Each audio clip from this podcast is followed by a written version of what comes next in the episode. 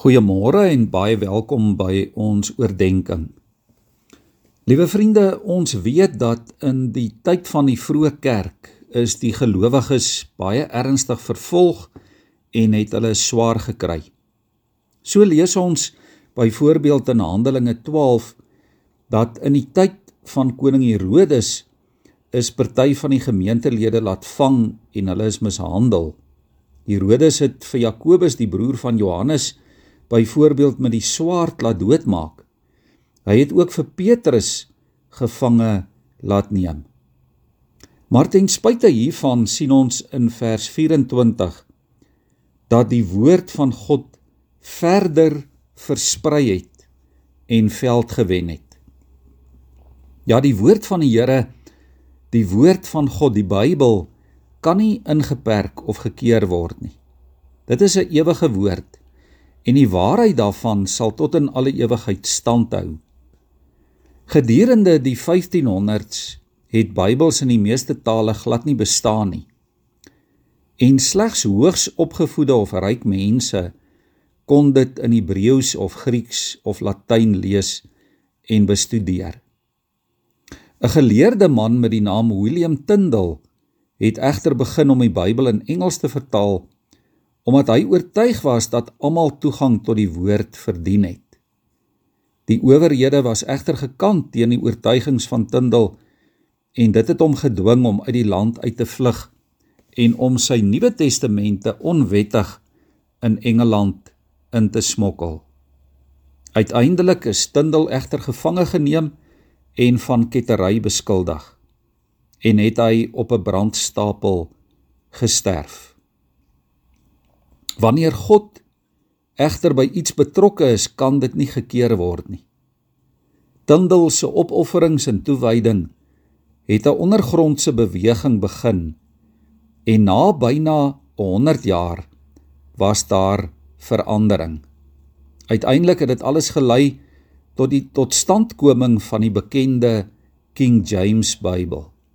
'n Weergawe wat baie van Tindal se werk in die aanvanklike uitgawe gebruik het. Met verloop van tyd het die Bybel tot 'n reformatie in Engeland gelei. Daar was herlewings en ontwakings wat plaasgevind het. Sendingbewegings is gebore en organisasies wat hulle beywer het vir Bybelvertaling is gestig. Die skrif het 'n volk laat herleef. En hierdie herlewing het begin toe daardie eerste vertalers geglo het dat almal toegang moet hê tot die woord van die Here. Dit is 'n wonderlike verhaal. En hierdie en ander soortgelyke verhale van hoe die woord van God behoue gebly het, moet ook vir jou en vir my as gelowige in die jaar 2023 elke dag bly inspireer. As ons net dink waardeur gelowiges soos Willem William Tyndale gegaan het sodat die wêreld die woord van God kan hoor. Dit moet ons regtig inspireer en aanmoedig om self ook hierdie kosbare woord verder uit te dra aan die mense rondom ons. Ja, liewe vriende, dalk kan jy en ek vandag of iewers 'n Bybel vir iemand of vir 'n gesin skenk wat dit nie kan bekostig nie.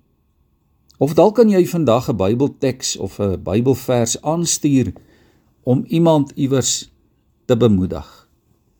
Hoe anders sal jou en my lewe wees as ons self nie toegang het tot die woord van God nie. Kom ons wees opnuut daarvoor dankbaar. Kom ons wees verantwoordelike gelowiges wat die verandering wat God deur sy woord bewerk ook vir die wêreld rondom ons help moontlik maak. God verander lewens deur sy woord. Kom ons onthou dit vandag. En onthou, lees jou Bybel en bid elke dag want dit gee jou krag. Ons buig ons hoofde in gebed voor die Here. Ja Here, deur die eeue laat u u kosbare woord behoue bly. Here, dankie vir die boodskap van die Bybel. Dankie dat dit ons as gelowiges kan inspireer. En Here, dankie dat dit 'n inspirasie is ook vir die wêreld in hierdie tyd waarin ons lewe. Here, ons bely vanmôre dat ons nie sonder u woord kan bestaan nie.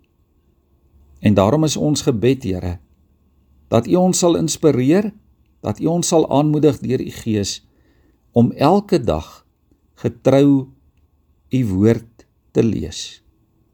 Om getrou te bly aan die boodskap van die Bybel en om getrou te bid. Dit is ons gebed in die naam van Jesus, ons Here. Amen.